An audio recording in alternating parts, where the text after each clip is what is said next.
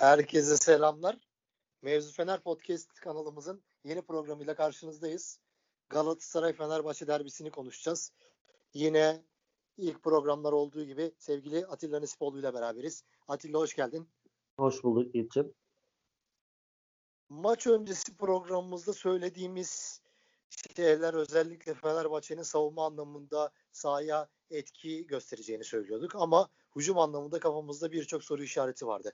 Ve maçın sonucuna baktığımız zaman da bunun doğru çıktığını söyleyebiliriz rahatlıkla. Buradan alarak maç hakkında sen ne düşünüyorsun? E, maçtan önceki dediğim gibi maçtan önceki programımızda hatta tüm Türkiye bizimle yani futbol severlerin hepsi derbiyle ilgilenen herkes aynı şeyleri söyledi. E, Galatasaray'ın e, iki lig maçı peşi sıra iki Avrupa maçında oynadığı bir oyun vardı. Bunu kuvvetli bir şekilde sahaya yansıtıyor Galatasaray. E, Fatih Terim derbide bir değişikliğe gitmedi. Yine beklenen oyununu sahaya yansıttı. E, hani kuvvetli A planımdan uygulayıp sonrasına bakarız kafasındaydı. Ama burada işte belirleyici olan Fenerbahçe'nin ne yapacağıydı. Herkes onu bekliyordu. Fenerbahçe nasıl bir oyun oynayacaktı. Fenerbahçe de e, Erol Hoca e, ilk haftalardan beri kurduğu o da kuvvetli yanını sahaya yansıttı. Fenerbahçe henüz ofansif olarak kimseyi tatmin etmese de defansif olarak bir ortaya e, bir yapı koymayı başardı e, geriye kalan haftalarda. Fenerbahçe'de defansif anlayışıyla, oyunu bozmaya yönelik anlayışıyla bir plan yapmışlar. Rakip stoperlere basarak e, oyunu Marka'dan alıp Luyendama'nın kurmasını yani Marka yerine Luyendama'nın kurmasını isteyen bir pres. O, e, orta sahaya geldiğinde tuz atlar. E, Fenerbahçe'de e, Erol Bulut'un tercihi oldu. Maçında gidişatını Fenerbahçe'nin tercihleri belirledi. Orta Fenerbahçe'nin pres... istediği gibi derbi oldu yani açıkçası. Evet bu presten bahsederken Hatay Spor maçından sonra Fenerbahçe'nin sahaya çıkan ilk 11'i çok eleştirilmişti. Özellikle orta saha üçlüsü çok eleştirilmişti. Ve bu maça farklı bir üçlüyle çıktık. Fenerbahçe'nin kadrosu zaten kaleci ve bekler malum. Gökhan Caner ve kalemizde Alt, Altay Bayındır. Savunmanın ortasına Zanka'nın yerine Tisserant geldi ve orta üçlüde bu sefer Ozan, Sosa, Gustavo oynadı. İleride üçlü olarak sayabileceğimiz oyuncular da Deniz, Mehmet Yan ve Ener Valencia'ydı. Galatasaray zaten ideal kadrosuyla çıktı. Sadece sakat olan Saracchi'nin yerine Lines ilk 11'de oynadı. İlk 11'ler üzerinden başlayarak Fenerbahçe'nin özellikle senin de söylediğin gibi Marco'ya yapılan bu pres ve rahat şekilde top kurmasını engelleyen bir Fenerbahçe gördük sahada. Neler diyeceksin? Ee, şimdi Galatasaray açısından hani söyleyeceklerim çok az. Onları hemen söyleyip bitirmek istiyorum. Ee, Galatasaray'da e, eksiklerden dolayı solda Lines başladı. Saratçı yoktu.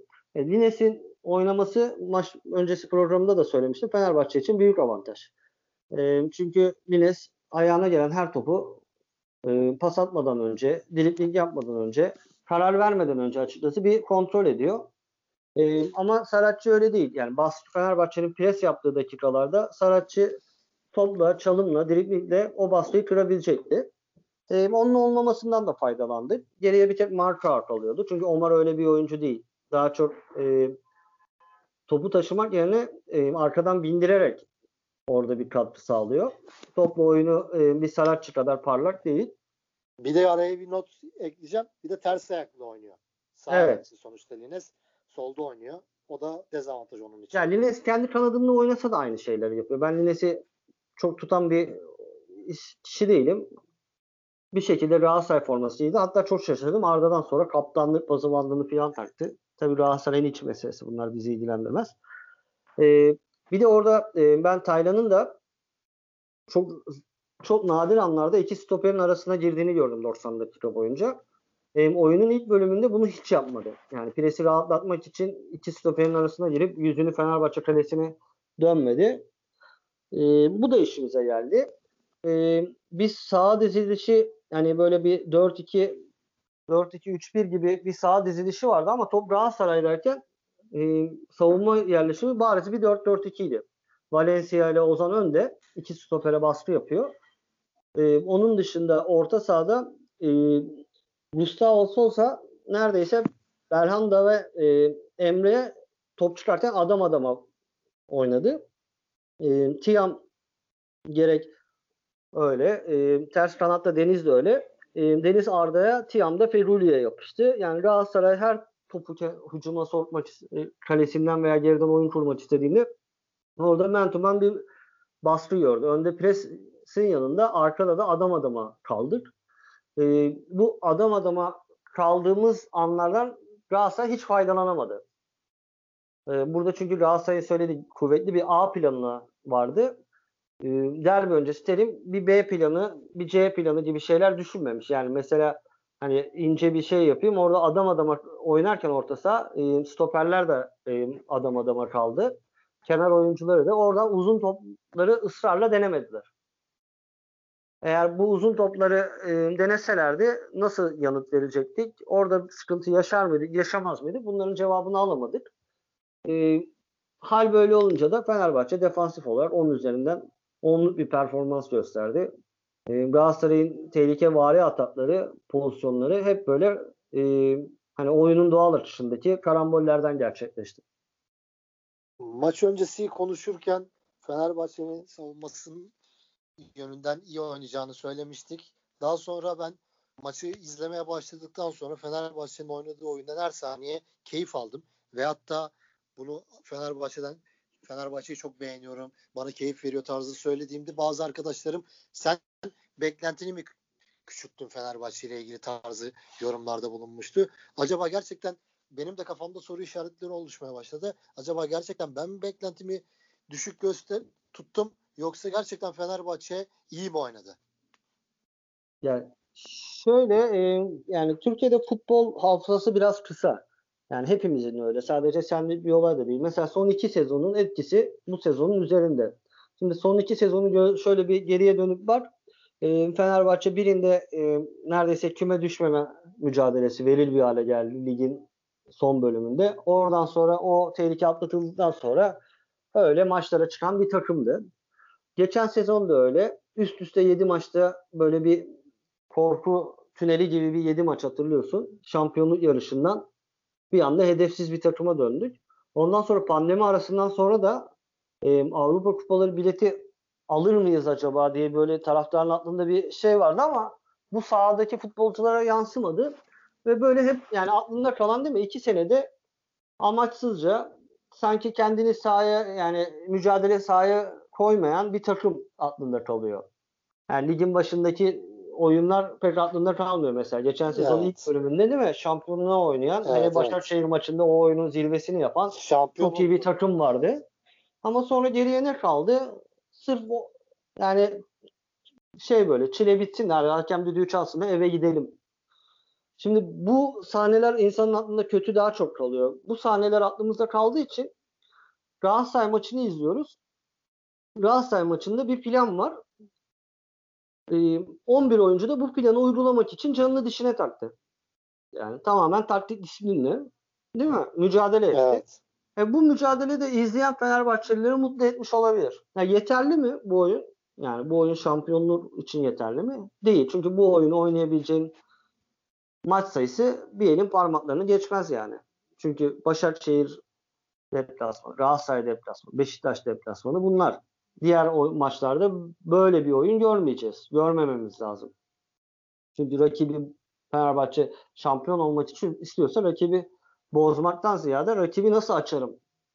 Bunu bize göstermesi lazım. Ama ne güzel olan taraf? Tahtaya bir plan çizilmiş. Bütün hafta çalışılmış. Ve sahaya çıkan takım bunu başarıyla uygulamış.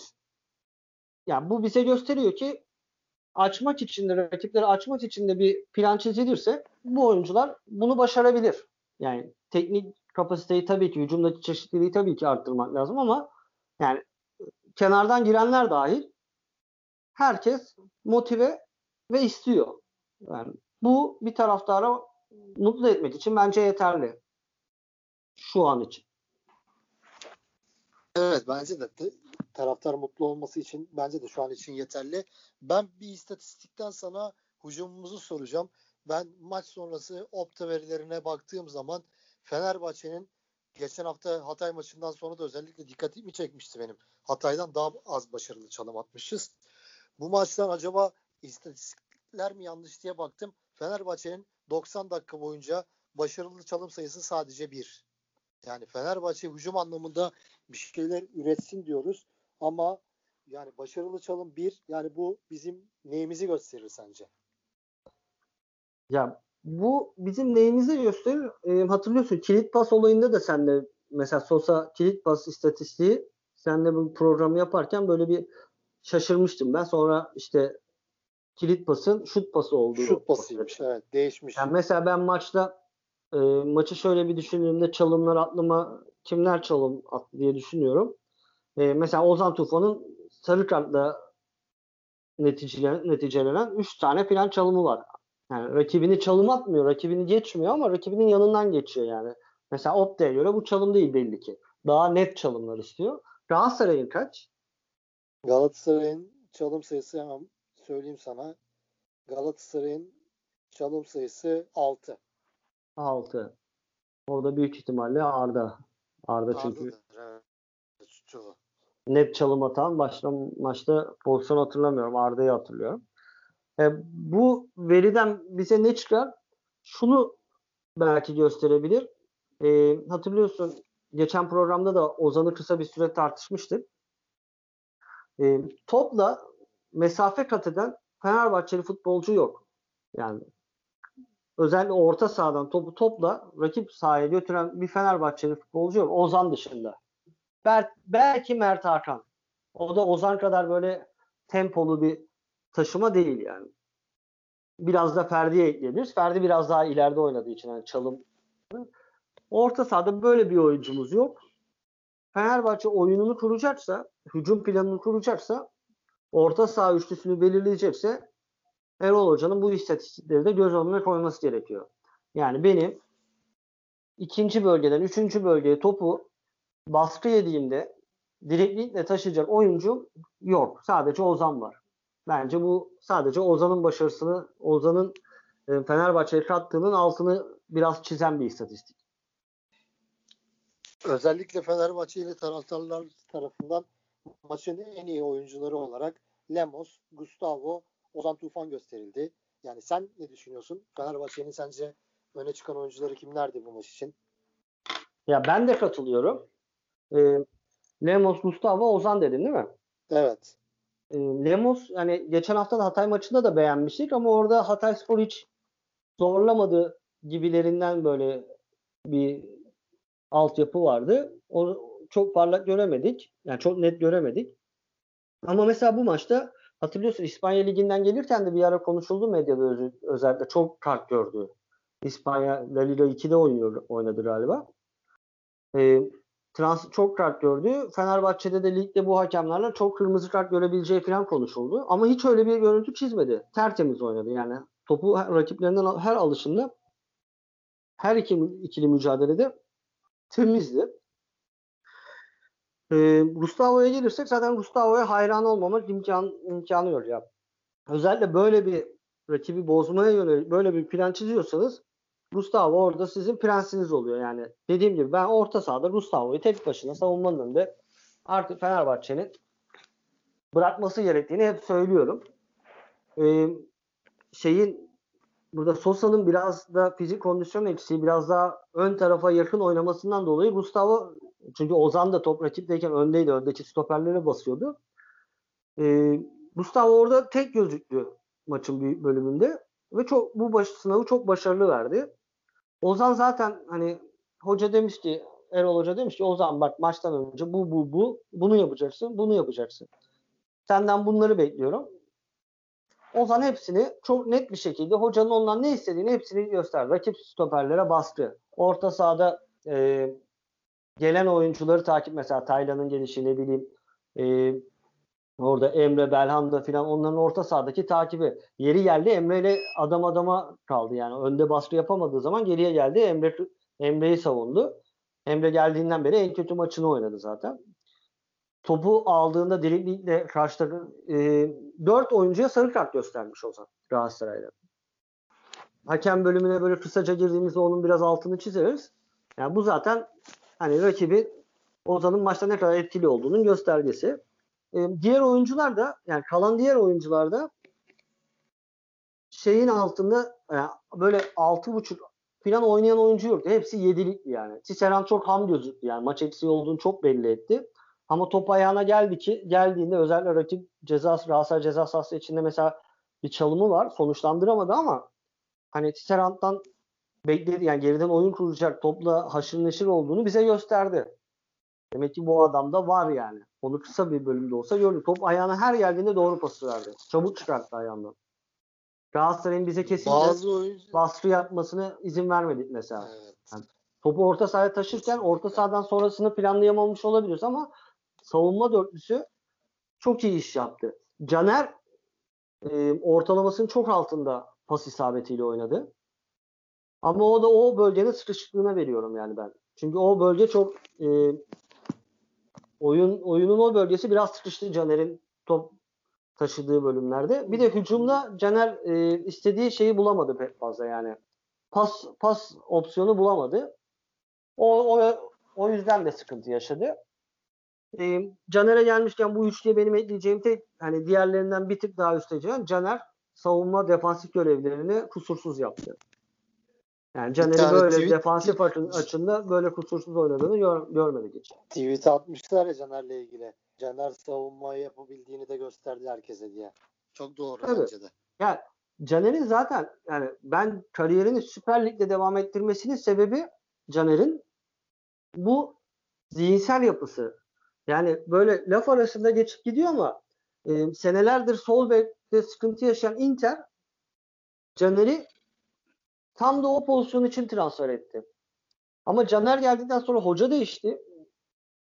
Caner e, neredeyse yani transfer sezon başında gitti. Transfer sezonu bitmeden o gelen antrenör seni düşünmüyorum dediği için pes etti ve geri Türkiye'ye döndü. Beşiktaş'a döndü. Yani mesela Caner eğer şu o zaman zaten e, şu an hatırlamıyorum Caner'i seni düşünmüyorum diyen antrenör kimdi? Arada kim geldi hatırlamıyorum ama Caner or eğer orada kal kalsaydı e, Roma'nın eski antrenörü galiba Rusya'da da çalıştı. Spalletti. Spalletti. Spalletti düşünmedi onu. Eğer Caner kalsaydı Inter'de ben oynayacağım bir şekilde. Yani çünkü Serie A'da rotasyon çok yapılır ve Inter'in kanayan yarısı hala da orada. Bir çünkü üçlü savunmayla oynuyor. Hani Türkiye'de üçlü savunma oynatalım da Caner'i daha faydalı kullanalım. O Caner'in orada bulunduğundan bu yana kadar Inter'i çalıştıran bütün teknik direktörler üçlü savunmayla oynadı. Eğer Caner o direnci gösterebilseydi belki şu an Conte'li Inter'in sol önde en büyük silahı olabilirdi. Ha, Avrupa çapında bir kariyeri olabilirdi. Yani daha önce Rusya'ya gidip genç yaşta Rusya'ya gidip geri gelişi de öyle. Sakatlık yaşadı büyük bir sakat o şanssız. Ama Caner'in zaten en büyük şeyi zihinsel. Caner kafasını bir maça verdiği sürece ne defansif ne ofansif olarak artsamaz. Bir sol beki maç alabilecek maçı alabileceği alabilecek bir sol bek. Yani dünyada kaç tane var böyle oyuncu? Artık yaşı da geldi ama yani Caner böyle hani Sergen için söylenilir ya işte futbola verseydi kendini Bayern Münih Avrupa'nın devlerinde oynardı. Yani Caner için de bu böyle yani. Avrupa'yı bir futbol kariyeri olabilirdi yani. Ama işte o da Caner'in eksiği zaten. O yüzden ben Fenerbahçe'de oynuyor zaten. Bunu da tam yapsa olmazdı zaten. Oyuncuları kısa kısa değinelim istiyorum. Özellikle Galatasaray'ın stoper ikilesini hepimiz biliyoruz. Çok beğeniyoruz zaten. Çok iyi oyuncular evet. olduğunu söylüyoruz. Sahaya çıkın ilk 11'de Fenerbahçe'nin Valencia'yı orada gördüğümüz zaman herkes ezilecek. Orada işi çok zor tarzı yorumlarda bulunmuştu ama yine evet. maç sonu istatistiğine baktığımız zaman Ener Valencia'nın 7 tane top kazandığını görüyoruz. Evet. Ener Valencia'yı nasıl değerlendireceksin? Yani Valencia'yı nasıl değerlendireceğim? Yani Valencia'ya baktığınız zaman hani Luyendama, Luyendama ile Marco arasında silik kalacağını düşünüyoruz. Çünkü e, geçtiğimiz hazırlık maçlarından ve e, oyuna girdiği Hatay maçında 11 başladı filan o oyunlardan e, henüz yeterli güce kondisyon, fizik kondisyona sahip olmadığı düşünülüyor. Ama Ener Valencia her maç bir tuğla koyuyor. Üstüne her maç yani Fenerbahçe'deki şu an e, böyle çıkışını gösteriyor. Yani taraftarı her maçta bir adım, bir adım daha kazanıyor. Galatasaray maçında da öyle. Geçmiş performansının önüne bir tuğla daha koydu. İnşallah bu tuğlaların üstüne de gollerini ekler diye düşünüyorum. Her maç daha Evet. iyiye gidiyor. Her maç bize daha çok güven veriyor. Faydalı ol- olacağından eminim.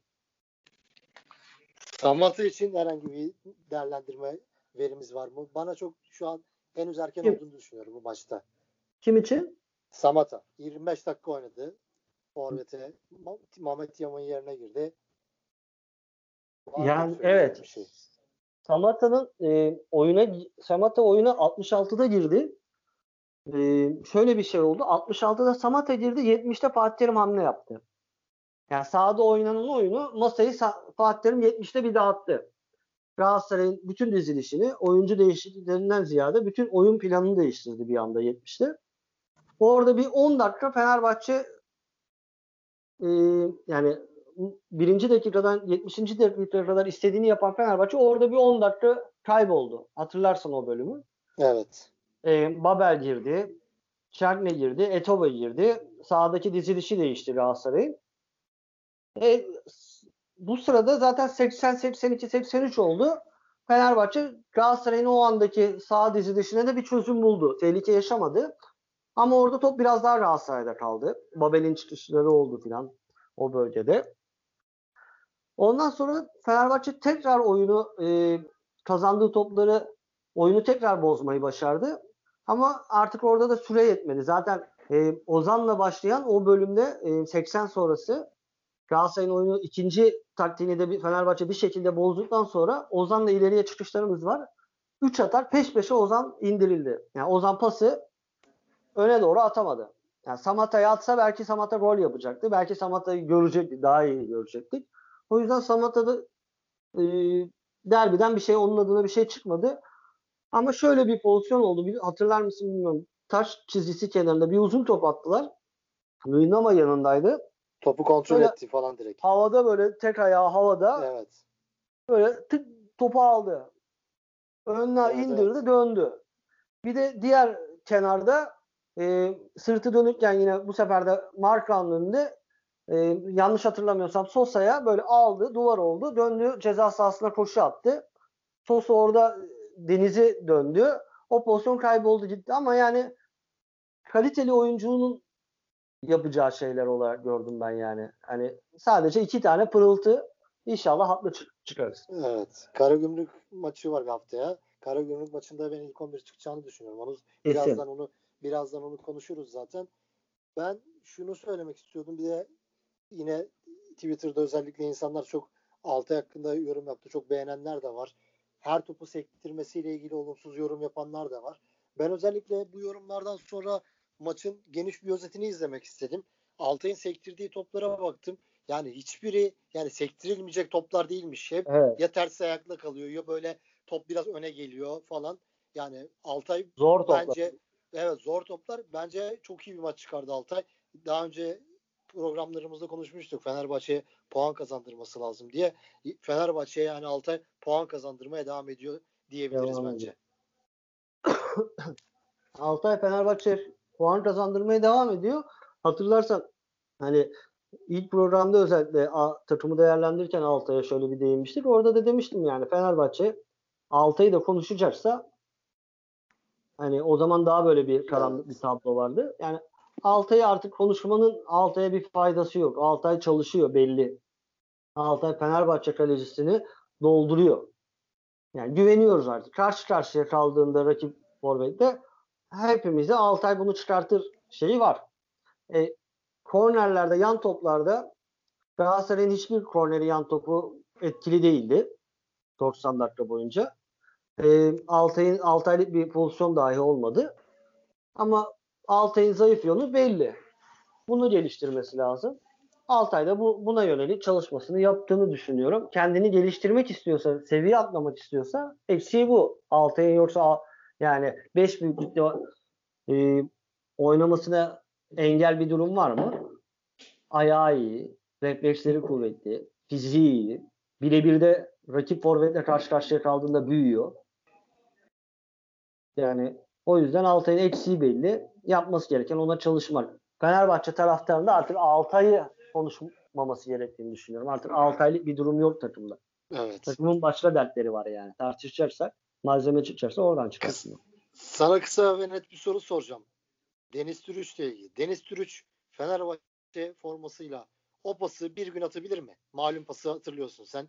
Evet herkesin karşı karşıya. Herkesin fotoğrafını dolaştırdı. Atabilir mi o pası bir gün? Bence atamaz. Ben de öyle düşünüyorum açıkçası. Yani Deniz Türüç'ün o pası o pası e, maç sırasında yani kaçırmayanlar için dikkatli seyirciler için herkesi çıldırdı. Yani o direkt gole gidecek bir pas. Çünkü hem Valencia boş orada. Değil mi? Valencia'ydı orada. Evet. Evet evet. Hem Valencia boş hem orada kalan e, stoper arada kalan stoper Sarı kartlı çaprazdan hızlıca gelmesi lazım. Evet. Kırmızı kart penaltı her yere gidecek.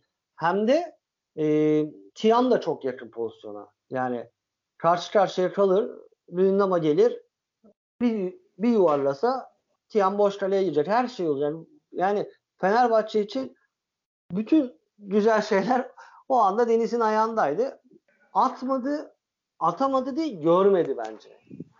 Görmedi. Bence de görmedi. Gitti. Bence görmedi yani. Ozan'a attı gereksiz şekilde. Topu kaybettik zaten. Kenarda savunmacıyla birebir olan Ozan'a attı. Evet. Yani savu- Lines, Bence Lines başında olmasa Lines başında olmasa diyeceğim ki Ozan'a indirdi. Ozan Valencia'ya verecek. Lines'le Ozan yan yana orada oraya attı. Zaten hani Deniz'i bu pozisyonun üzerinden eleştirmek yerine yani bu pozisyonu böyle cımbızla çekmek yerine eğer cımbızla bir pozisyon çekilecekse ilk yarıda Valencia'nın ceza sahasına girip Deniz'in önüne bıraktığı bir pozisyon var. Topu Deniz- kontrol edemedi ya. İleri doğru sürse karşı karşıya Yani. kalacak. hiç gerek yok. Sol ayağı o kadar sol ayak yani tek ayaklı ki sağ ayağıyla kaleye vursun. Top isterse dağlara taşlara gitsin. Önemli değil Evet, yani. Topa vurması lazım yani. Topu düzeltip vurması lazım. Hatta düzeltmeden bile vurabilirdi gelişini. Topu önce kontrol etti. Sonra sırtını döndü. Sonra sol ayağını aldı ve çok garip absürt bir pas attı Gökhan'a. Pozisyon eriyip gitti. Yani Deniz'in Fenerbahçe'nin o oradaki açığını kapatamayacağını Galatasaray maçı gösterdi. İki pozisyon. Sağ ayağıyla o pası bırakamadı. Sağ ayağıyla o şutu çekemedi. yapamadı. Evet. Yani böyle bir derbide zaten kaç tane pozisyon çıkıyor? Fenerbahçe için hani en, en tehlikeli iki ataktı. Olmadı. Deniz Deniz'in o pozisyonda e, bir çözüm olamayacağı çok belli. evet. Ben Deniz'in iş ahlakına yani ben Deniz'in oynadığı her maçta mücadele ettiğini görüyorum. Her maçta takıma katkı vermeye çalışıyor. Bugün de defansif olarak yine başarılıydı. Yine katkı vermeye çalıştı. Ama Evet. Deniz'in eksiği bu.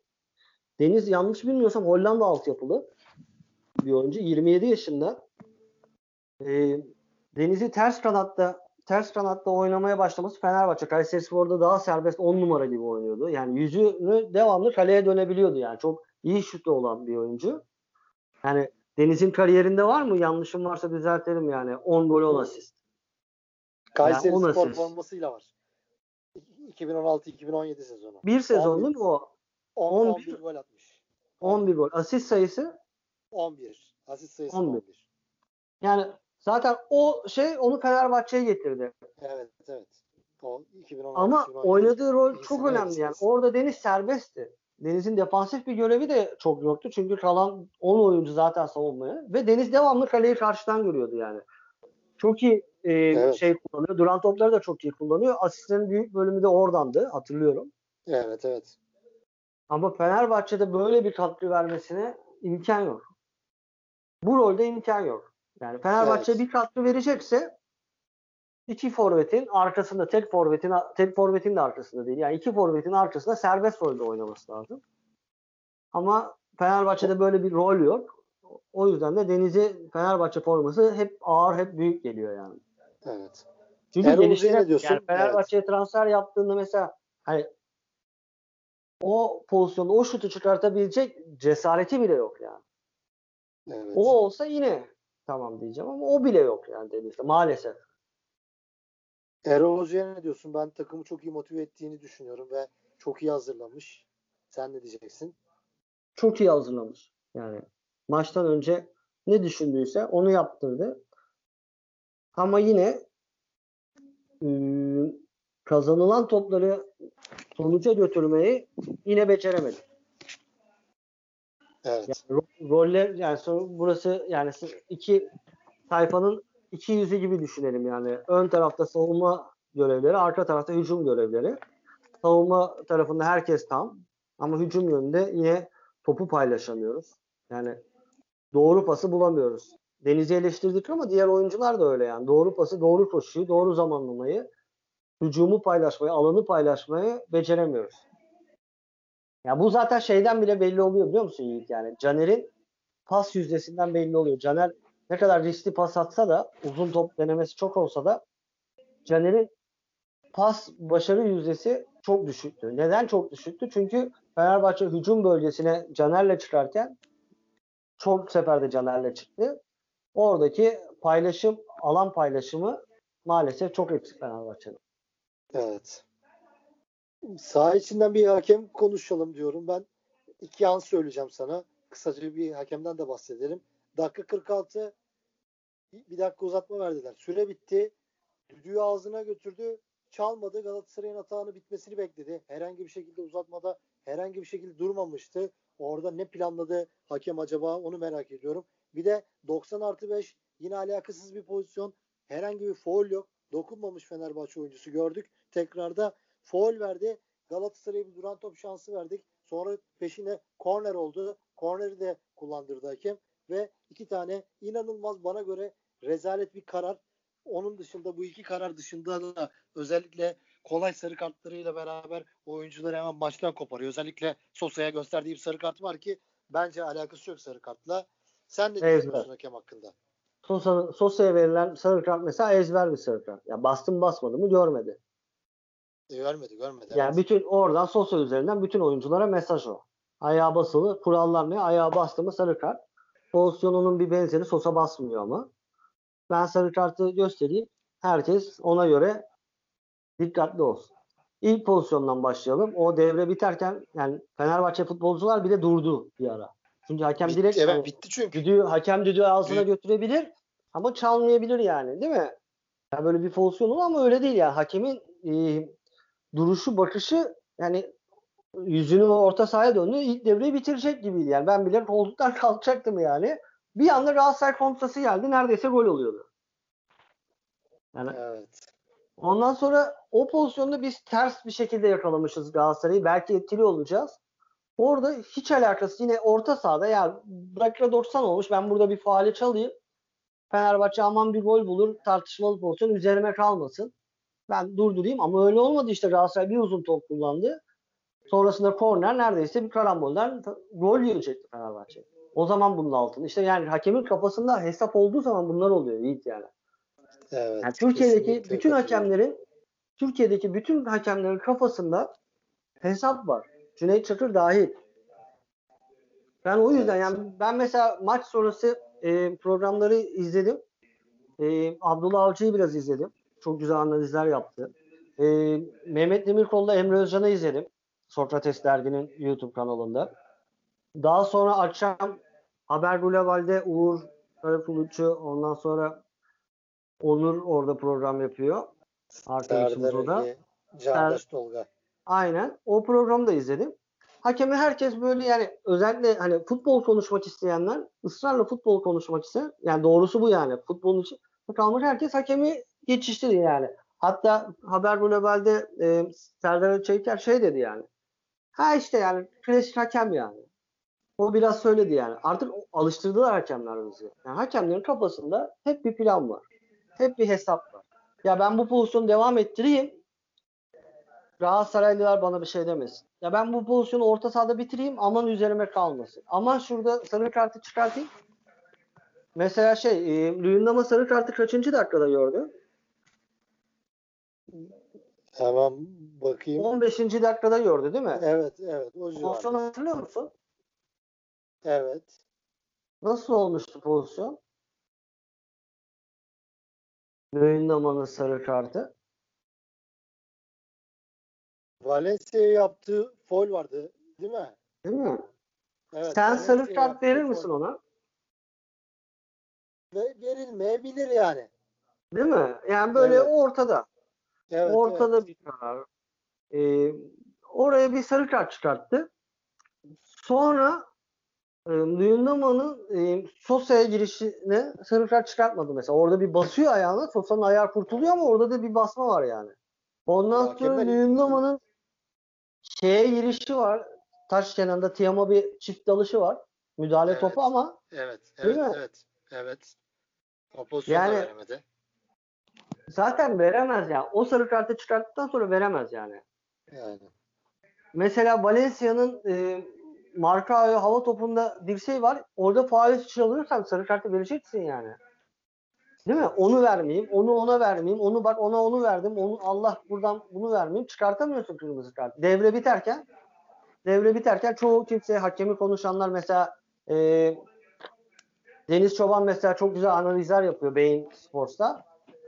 E, izledik programı böyle işte o Tisserant'ın pozisyonunda kırmızı kart olması gerektiğini düşünüyor. Oraya kadar getirdi.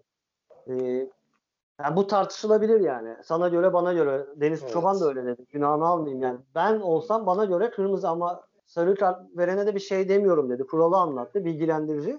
Ama mesela de pozisyonları konuşurken verilmeyen Hıncal Uluç'un bir lafı vardır yani. Türk sporunun ne kadar Fenerler sevmese de sevilecek sevmese de e, Türk spor medyasının bazı kurallarını yazan adamdır. Hakemi verdikleri verdiğiyle değil vermedikleriyle değerlendirmek gerekiyor. Yani maçın ilk yarıdaki hakem performansının ve maç sonunda ortaya çıkan tablonun hakem açısından e, hakem açısından bize gösterdiği ilk yarıda çıkartmadığı Arda'ya arkadan müdahale bir de Taylan'ın yine hücuma çıkarken yaptığı e, yine arkadan müdahale. İkisi Taylan'ınkinde çekme de var. Bunlara sarı kart göstermedi. Ne oldu? Oyun döndü. 70-80'den sonra Fenerbahçe iki kere kontraya gitti. İkisinde de birini Arda önce bir Ozan'dan önce birisini düşürdü. Sonra Ozan'ı düşürdü yanlış hatırlıyorum. Peş peşe iki kere adam düşürdü. Sarı kartı gördü. Evet. E, Tayland da öyle. Orta sahada. Değil mi? Eğer Evet. bunların sarı kartı olsaydı maç nereye giderdi? Doğru diyorsun. Yani bunlar mesela konuşulmadı. Geçti gitti. Pe- Hep Peki böyle zaten. Evet, evet. Yani bunları zaten bunu çözmedikten sonra oyunu konuşam oyunu konuşmak anlıyorum oyunun içinde kalmak isteyenleri ama e, ben Fenerbahçe lehine, Galatasaray lehine, Beşiktaş lehine Trabzon'u şampiyon yapmak istiyorlar falan değilim hakemler konusunda. Hakemlerin kafasında hep bir terazi var. Oradan onu aldım buraya yani doluya koydum dolmadı boşa koydum almadı var ya bu. Evet. Türkiye'deki hakemlerin problemi bu. Bu böyle olduğu sürece o oyun da saha içindeki oyun da bir noktaya kadar yükselebiliyor. Ondan sonrasında yükselemiyor. Ya oynat oynatacağım oynat kardeşim diyorsun hakeme. Oynatamıyor çünkü kafasında plan var yani. Hesap var yani. Aynen doğru diyorsun. Neyse Çünkü o- maçla ilgili başka saha içiyle söyleyeceğin bir şey var mı? Maçla ilgili aklında kalan. Maçla ilgili aklımda kalan e, yani maç bittiğinde e, maç bittiğinde şöyle düşündüm. Hani bu sınavı da atlattık. Hani, hani bu dereyi de burayı da geçtik. E, burayı geçtik ama yani. Galatasaray de- deplasmanını geçtik. Önümüzde çok uzun bir yol var. Bu yolda nasıl yürüyeceğiz? Ona dair hala böyle bir manzarayı Peki. göre o yolda Evet. yürümemizi Aynen. başarılı ve sağlıklı bir şekilde ilerlememizi sağlayacak olan Fenerbahçe'nin hücum performansı. Arkası Peki sağlam. o- evet. Ondan Ama- da bir bahsedelim kısaca. Nasıl yürüyeceğiz diye. Cumartesi günü Karagümrük maçı var. Karagümrük de ligin en flash takımlarından biri oldu. Evet. O maçla ilgili ne düşünüyorsun? Ben yine evet savunma anlamında kafamızda belki hiç soru işareti yok ama hücum anlamında ne yapacağız? Sonuçta Karagümrük savunma yapacak. Bizi Ya- sahasında bekleyecek. Evet. Şöyle bir şey var. Sezon biz Başakşehir'i takip ediyoruz anladığım kadarıyla. Evet, Başakşehir'i takip ediyoruz. Ee, baş, yani geçen o Hatay önce Başakşehir'i yendi bize geldi. Karagümrük de şimdi Başakşehir'i yendi bize geliyor. Tam takip etme değil galiba. Arada Galatasaray maçı oldu. Ee, yani Başakşehir'den Başakşehir'den e, morallenen bize geliyor. Galatasaray da pardon Galatasaray da arada Galatasaray, Galatasaray da Başakşehir'i yendi bize geldi. Evet.